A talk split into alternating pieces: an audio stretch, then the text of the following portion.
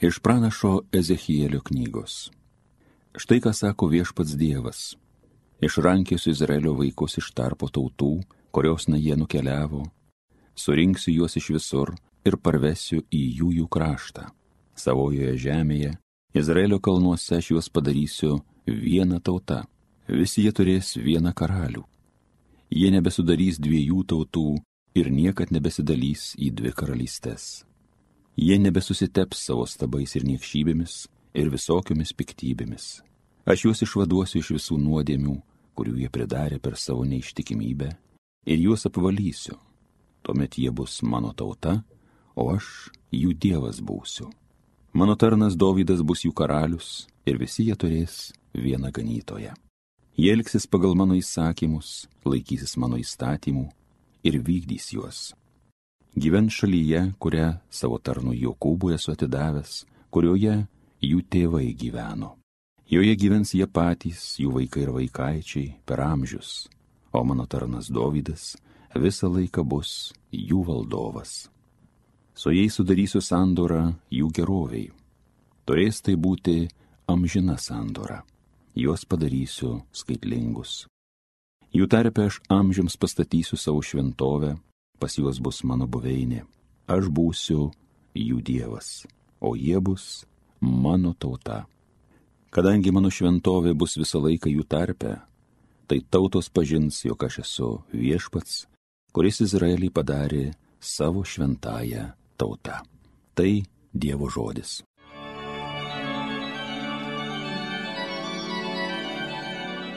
Viešpats mus gano, tartum piemo savo bandą. Klausykitės viešpatie žodžio tautos, skelbkite jį saloms tolimiausioms. Sakykite, kas Izraelį išsklaidė, tas ir surinks jį, ir ganys tartum piemuo savo bandą. Viešpats mus gano, tartum piemuo savo bandą. Viešpats išgelbės Jokūbą, vados iš stipresniojo rankos. Ateis jie ir džiūgaus Sijono kalne, plauks prie viešpaties gerybių. Viešpats mus gano, tartum piemuo savo bandą. Šokdamos džiaugsis mergelės, linksminsis jaunuoliai ir seneliai, jų liūdėsi džiaugsmu aš paversiu, juos guosiu ir linksminsiu, vargams pasibaigus. Viešpats mus gano, tartum piemuo savo bandą. Šlovėtau Kristau, amžinosios garbės karaliau. Nusimeskite visą savo nuodėmę, sako viešpats, ir susikurkite naują savo širdį ir dvasę. Šlovėtau Kristau, amžinosios garbės karaliau. Pasiklausykime Šventojios Evangelijos pagal Joną. Daugelis žydų, kurie buvo atėję pas Mariją ir matė, ką Jėzus padarė, įtikėjo jį. Bet kai kurie nuėjo pas fariziejus ir pranešė jiems, ką Jėzus padaręs. Tuomet aukštieji kunigai ir fariziejai sušaukė teismo tarybą ir svarstė, ką darysime. Šitas žmogus daro daug stebuklų, jei taip jį paliksime, visi įtikės jį. Ateis romėnai ir sunaikins šventąją vietą bei mūsų tautą. Vienas iš jų, Kajafas, tais metais vyriausias kunigas, jiems tarė, jūs nieko neišmanote ir nepagalvojate, kad jums geriau, kad vienas žmogus mirtų už tautą, o ne visa tauta žūtų. Jis tai pasakė ne iš savęs, bet būdamas tų metų vyriausiasis kunigas pranašavo, jog Jėzui reikės mirti už tautą. Ir ne tik už tautą, bet tam, kad suburtų į vienybę įsklaidytuosius dievų vaikus. Nuo tos dienos jie tvirtai buvo pasiryžę jį nužudyti. Todėl Jėzus daugiau nebevaikščiojo viešai tarp žydų, bet pasitraukė iš ten į vietovę dykumos pakraštyje, į miestelį vadinamą Efraimu. Ten jis ir apsistojo kartu su mokiniais. Artinosi žydų Velykos.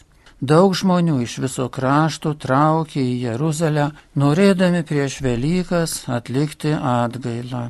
Jie ieškojo Jėzaus ir stoviniuodami šventikloje kalbėjosi. Kaip jūs manote, nejaugi jis nebeateis į iškilmes?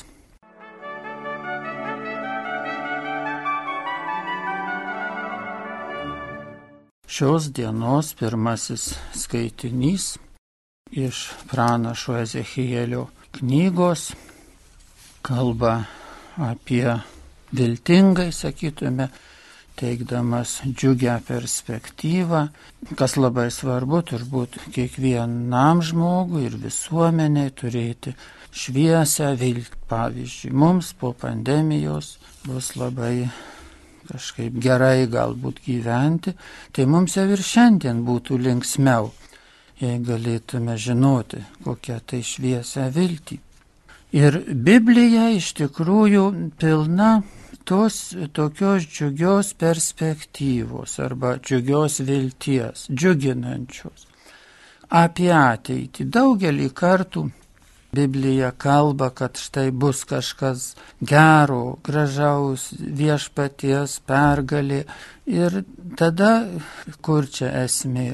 Kad jeigu mes žinome, kad rytoj mūsų laukia kas tai puikaus, nepaprasto, įstabaus kažkas, laimėsim ką nors, tai jau mes šiandien gerai jaučiamės, jau mums šiandien yra džiugu, jau mums šiandien atrodo mūsų gyvenimas turtingas, jau mes šiandien norime būti geresni dėl to, kas mūsų laukia rytoj.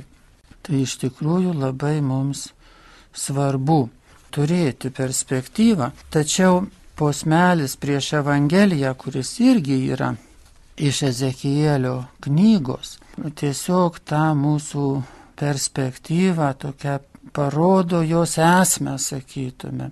Nes kalba taip, nusimeskite visą savo nuodėmę, sako viešpats, ir kurkite savo naują širdį ir naują dvasę toji perspektyva, kad mes žmonės esame pašaukti sukurti naują širdį. Tai reiškia savo asmenybę, save sukurti, tiesiog naują, naują, ne tai, kad kažkokį kitokį, bet brandesnį.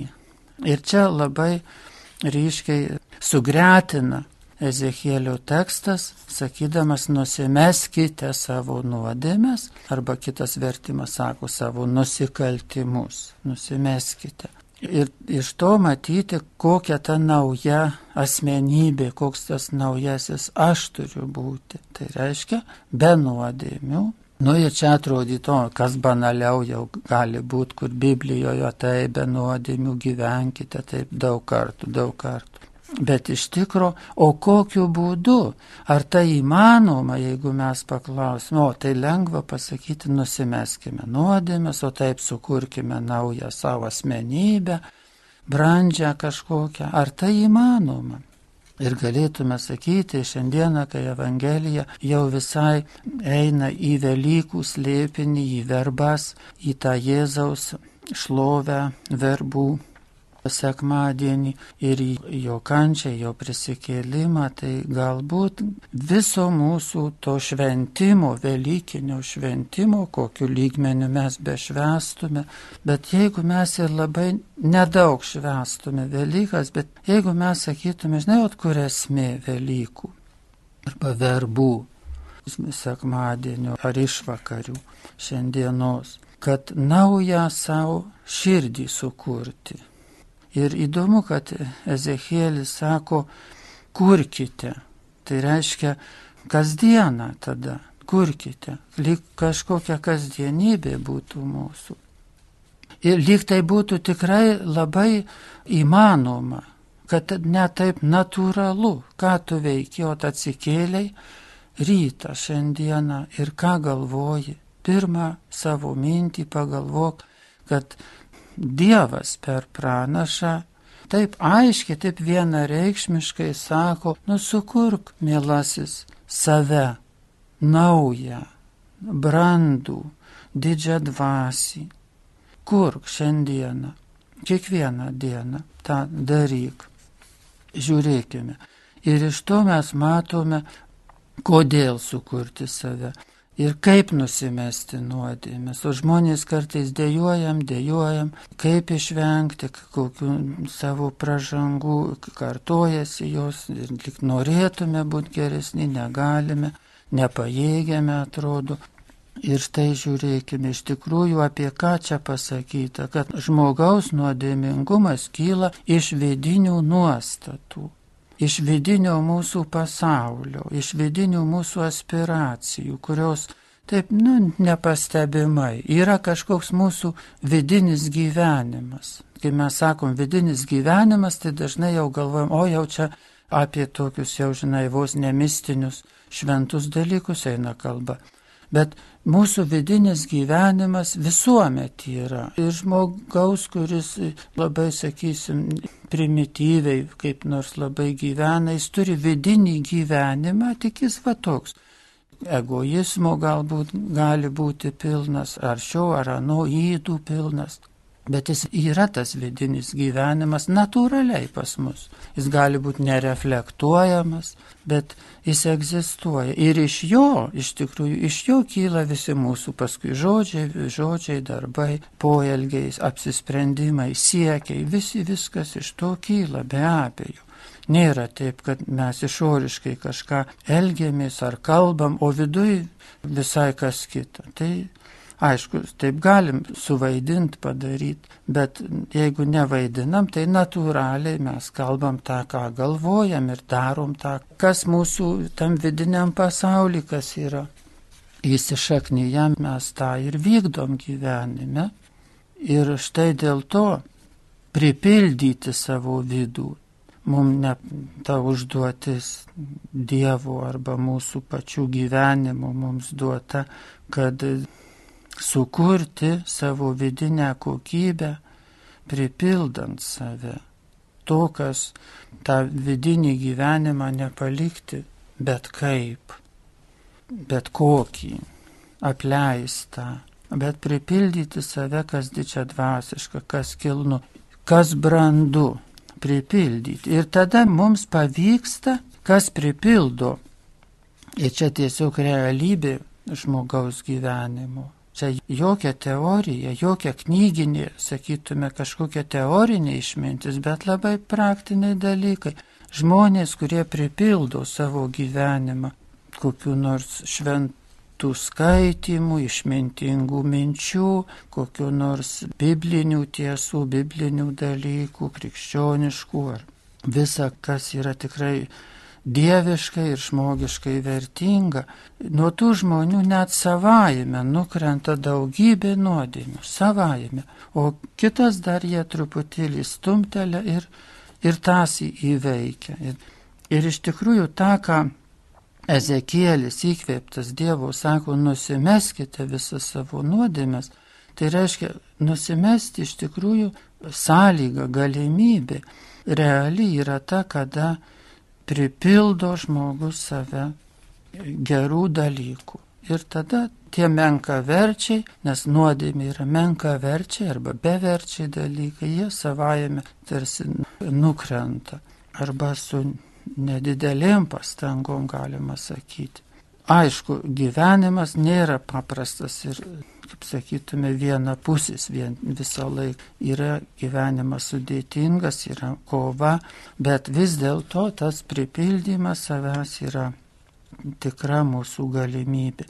Ir Ezekėlis sako pagal šitą naują įvertimą, kurkite savo naują širdį. Tai kurkite reiškia begalinį procesą, kad tu nuolatos, nuolatos visą gyvenimą Nėra taip, kad kada nors jau iki galo sukūrė, nes nėra, nėra tokios ribos, kada tas kūrimas baigsis, nes mūsų širdis begalinė, galim sakyti, ar mūsų asmenybė yra begalinė, ji be galo gali skleistis ir skleistis, prisipildyti ir prisipildyti. Ir iš tikrųjų tai yra vienintelis tikras laimėjimas, ką šiame gyvenime žmogus gali laimėti gyvenime, kuris yra netvarus, kur viskas mums laiko nunešama mūsų gyvenime, viskas išsprūsta iš mūsų rankų, ką mes įgyjame. Bet sukurti save, tai neišsprūstantis laimėjimas, jisai išliekantis. Paradoksalu, netvariame pasaulyje, kur viskas praeina, vienintelis tikras laimėjimas tai kurti naują save, naują savo širdį ir naują dvasę.